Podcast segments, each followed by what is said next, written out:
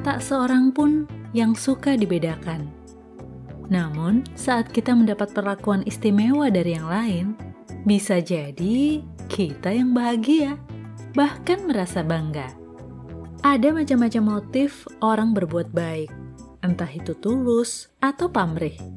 Bagi yang pamrih, salah satunya ingin mendapat sesuatu dari kita, entah perhatian, tenaga, ide, kesetiaan, pertemanan, dan lain sebagainya.